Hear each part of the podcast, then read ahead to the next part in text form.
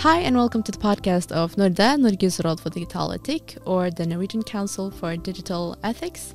Today we're going to talk about how do we actually operationalize high level ethics guidelines like the ones from the EU? How do you actually practically implement ethical and responsible AI? And today's episode is in English because today we have an English speaking guest, Michael Puntschuh, who will later introduce himself.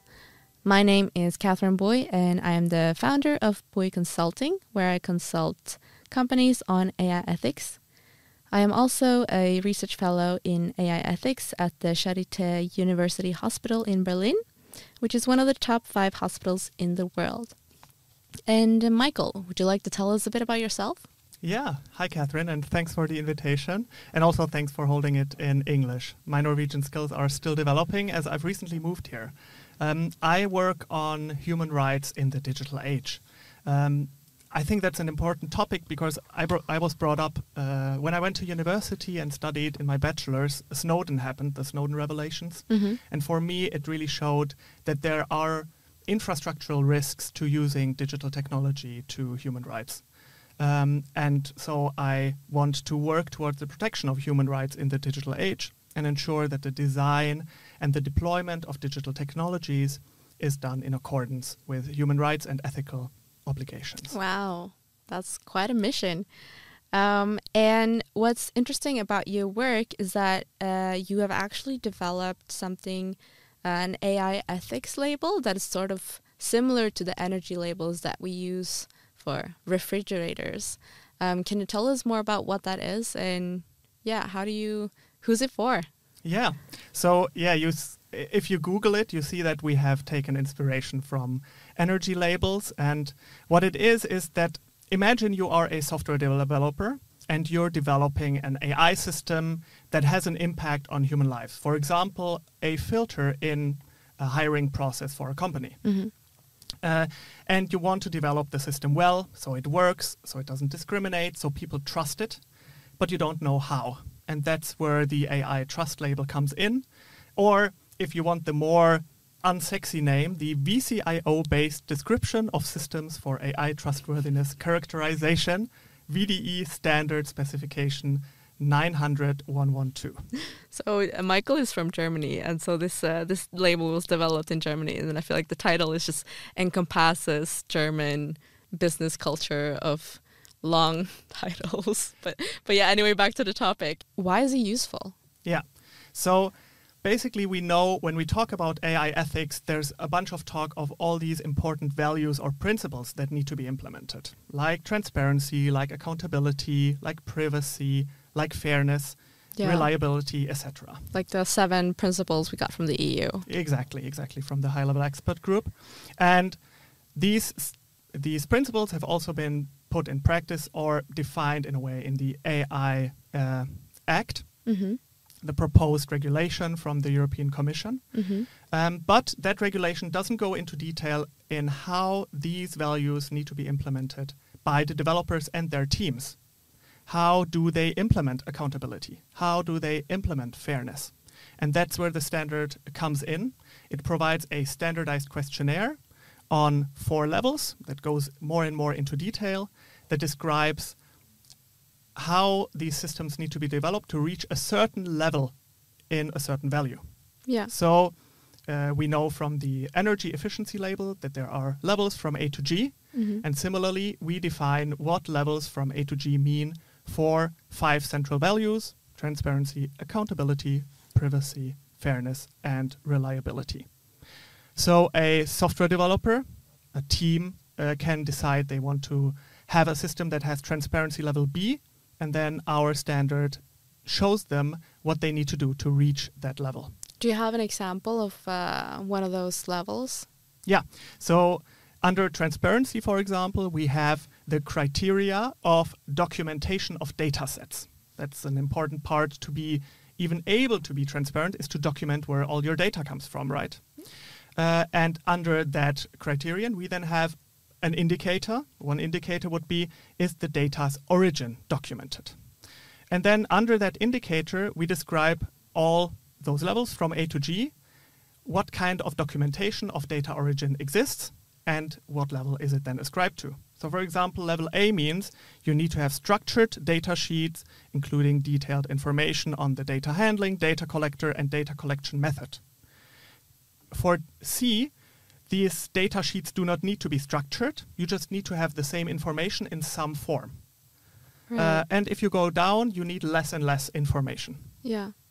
So you can get sort of like uh, your AI is uh, green and A labeled, and which is probably better than a similar AI that has the C level marking, um, if they've done that assessment at all. Um, but when I was reading the um, the ethics label, I noticed that although some of it is more concrete than the high level principle of you need to have transparency, um, some of it is still sort of vague. Uh, for instance, explainability. Like no, nobody actually knows how to do explainability. So how do you even operat- operationalize something where the knowledge doesn't even exist? Yeah. So we we need to build a bridge, right, between the high level rules that are, for example, in the uh, AI Act, and between individual methods that are being used to help create explainability. You can have input output tests, um, or you can use Lime, or you can use other systems to create explainability. What is Lime? Um, it's a method that is uh, used to to show you what kind of criteria are ultimately uh, most relevant for the output that the system provides. Mm-hmm. I'm not a uh, I'm a social scientist, right? I'm not a software Is this- developer, Is this, so I is this some go sort of- sort of Python library or something? Uh, I can. It's a method. It's Okay. not. It's not Okay. a fixed program. Yeah, Okay. it's a method. Um, and uh, and the EU AI Act, right? They give you some very high level rules, but then there is also Article 40 that talks about harmonized standards. So more detailed processes on how these abstract rules from the AI Act are to be implemented. And that's what our uh, AI trust label is. It is one suggestion for such a harmonized standard. These standards will all interlink. There will there is going to be a large universe of different standards. Some talk, for example, about explainability, some talk about privacy, some talk about security. So wi- and we try to build an umbrella to imp- to put everything together into one and make it measurable. So is that what you mean when you say harmonized? That you have taken into account a lot of different standards and you've tried to gather them into this ethics label? in in the uh, on the European level, harmonized means harmonized across the European Union, or Yeah. in this case, the European market. Yeah. So uh, there are there can be national standards that can deviate, but harmonized standards would be standards which would, which would be applied Europe wide. And there's a CEN-CENELEC, that is the large European standardization body in the technology area. They have been tasked with finding or developing these standards. Uh, and our project partner, the VDE, the German Association of Electrotechnicians and Informaticists, that's not really English. Uh, Informatics? of inf- informatics scientists, computer scientists. Okay, computer scientist. Uh, yeah. So uh, they are part of this large European standardization body, uh, and they have been in charge of the developing of the AI trust label. Okay. And who else has been on the development team for this trust label? So we uh, we had an initial uh, project before this, which was mainly shaped by uh, science and some civil society, and then in this project we went uh, we got together with uh, large businesses which are based in Germany. So this includes, for example, BASF, which is the world's largest chemical comp- chemical company, which uses an AI, for example, in accounting or in their industrial processes. Or, for example, Siemens, right, which is a large industrial automation provider, but they also provide medical equipment and medical diagnostics, where ethics is, you know, at the core of. Uh, where ethics is really, really important when it comes to developing these systems. Yeah, and course, because it affects lives. exactly. oh. And uh, Most AI systems affect lives, but health tech more directly. I guess that's yeah. The the effect is uh, more obvious. And we had a large uh, software company, SAP, uh, the largest European software company, um, and they some of these companies had already their own guidelines, guidebooks on how to deal with ethical issues in their work, in the products they develop. But they wanted to come together to contribute to a industry-wide standard, and that's why they uh, contributed uh, in the development of the AI Trust label. So, are they using this? Do they think that this is going to be the industry-wide standard for comparing the level of responsibility taken during the development? And yeah, uh, are, is anyone using this? Is it useful? Well, I, I can talk about how it can be useful to different target groups in a minute. These companies they have um, committed themselves to use this process. Mm-hmm. Otherwise, they wouldn't have invested all these resources, their own knowledge, and their own time uh, into the development of the process. Uh, so we're currently in the in the process of gaining more companies that are interested in developing this because a standard like this, uh, at least in the current form, it is not enforced by the state. Right? Companies can choose to use it, can choose to uh, uh, abide by these obligations that we have put out. Yeah. Um, and a large uh, a large use of having a label like this is that it ensures comparability for consumers. But then we need several companies using the system, uh, using the AI Trust label. Yeah. Uh, so we're trying to build a coalition with more companies. They can uh, come and contribute to the further development of the AI Trust label. It's an open process. It's a living document, and we sure haven't found all the answers. We had a lot of industry partners, but not everyone, right? We need to include more voices in the development of these. But does standards. it? But does it really make sense to make an industry-wide um, standard that is not context specific? Like, should the standard for hiring tools be the same as for medical technology? Does that make sense? I believe there's no either or. Why not both? Um, the EU AI Act opens up, it, it doesn't specify that it needs to be an industry wide standard. It also allows for sector specific standards. Uh, so I believe in the uh, future we will have both sector specific standards that maybe specify specify certain risks or challenges that are only apparent in these sectors right we can imagine that using AI in the medical sector has very specific risks that are not relevant in the hiring sector.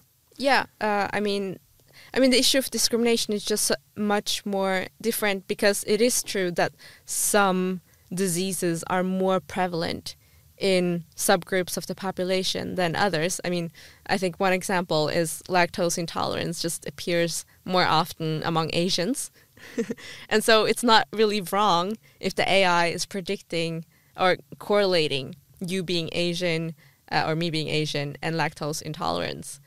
And how do you even, yeah, I just think that would be way different for health techn- technology than hiring.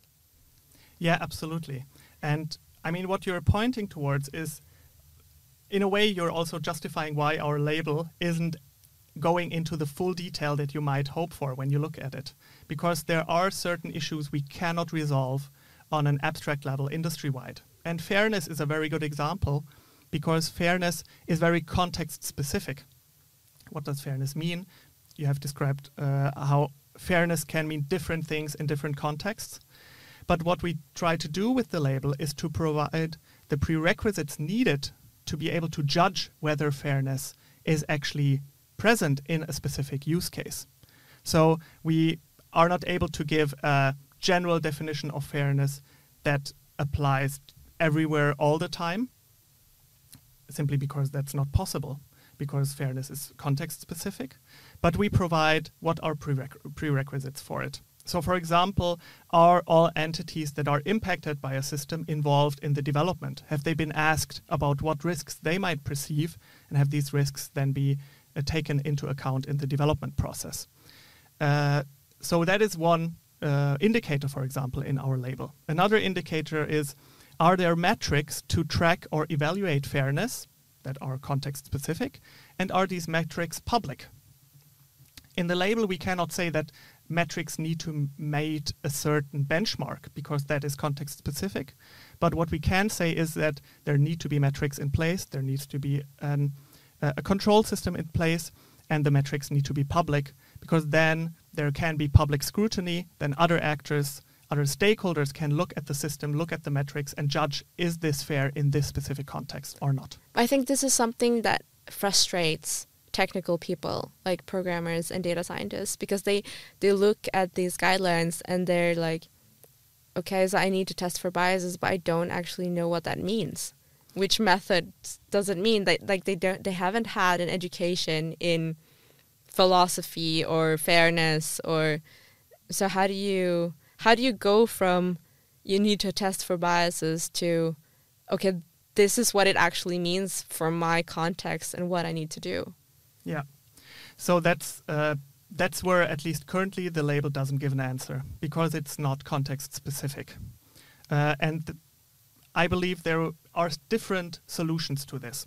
So one solution is it's not the responsibility of the developer alone, right? They need to involve other people, experts from social science, and target groups or people affected by the system.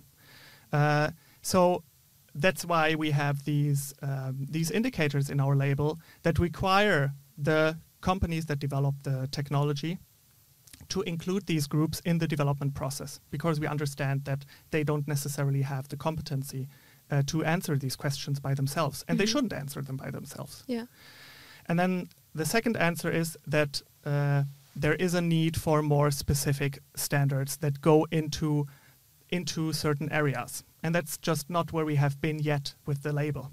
It is a first step that we have taken. We have attempted to try something that is industry wide.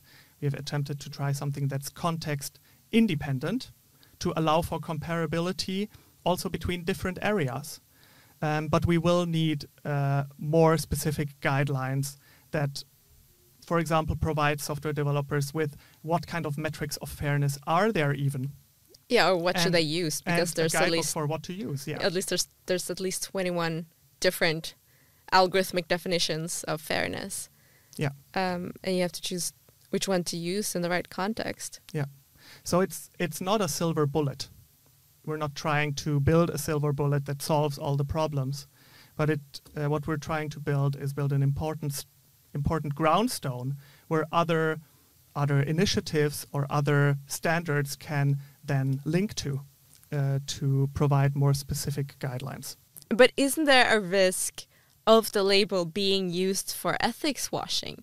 Because if the requirement is only you have to document data collection, I mean, you can just say check the list. Okay, yeah, I documented the way we collected the data, but it doesn't mean that the way we collected data was ethical if it was, you know, scraping the internet. Yeah, absolutely. Uh, and that's why it needs to connect to independent uh, checking, right? Our uh, our label allows for this. There can be independent certification, uh, and an independent uh, body that is uh, active in certification in Germany was also part of our development team for this uh, AI Trust label. Sort of like an audit. Yeah, the it's the TÜV Süd, which is a large German auditor of technical systems. Mm-hmm. Um, I think in Norway the equivalent would be DNV, mm-hmm. Det Norske Veritas. Uh, they're currently working on some method for auditing AI systems, but yeah, uh, I don't know how far they've gotten on that. Yeah. So, and that's definitely it's also it's a fear I share uh, that uh, we cannot allow this to be used for ethics washing, and we need to make sure that everyone, especially those who will use the system, the companies that will use it, that it is an important groundstone, but it is a groundstone. It's not the silver bullet. Right. Uh, and the second thing is what do we compare it to, right? What is the status quo currently? The status quo is that there is no no publicly available documentation of the origin of your data. It, com- some companies might do that, but companies do not have an incentive to do it. Mm-hmm. Um, And if we go to the fairness metrics, it is not an industry-wide standards that you have fairness metrics for all your AI systems that where it is important that you would have public fairness metrics. So it provides an incentive to improve from the status quo of what it is right now, but it doesn't necessarily lead to the paradise where we have AI systems that uh, you know that ensure the protection of human rights all the time. And it becomes part more of an ecosystem where you have the standard that provides transparency, that provides fairness metrics, but then you also need independent bodies like the certification organizations that check whether the companies actually meet the requirements of the label. And you also need watchdogs, civil society organizations, or publicly funded uh, public institutions that check on whether fairness is actually met in this specific context like that allow for a public debate of it. Yeah, like Datatilsynet in Norway. Like Datatilsynet in Norway, or uh, civil society organizations like Algorithm Watch, large German and uh, Swiss um, organization that looks at algorithmic systems and scrutinizes them based on public uh, public opinion and public demand. Yeah, I also noticed that uh, Amnesty a few months ago, uh, this yeah, they put out some positions uh, for data scientists, and yeah, Amnesty is uh, also watching your human rights uh, from an algorithmic perspective. So it's I think it's going to come more and more. Hopefully, uh, I think the challenge will just be: do people and companies have the right competency on board to both keep companies accountable, but also just make the development good from the very beginning. Yeah, absolutely.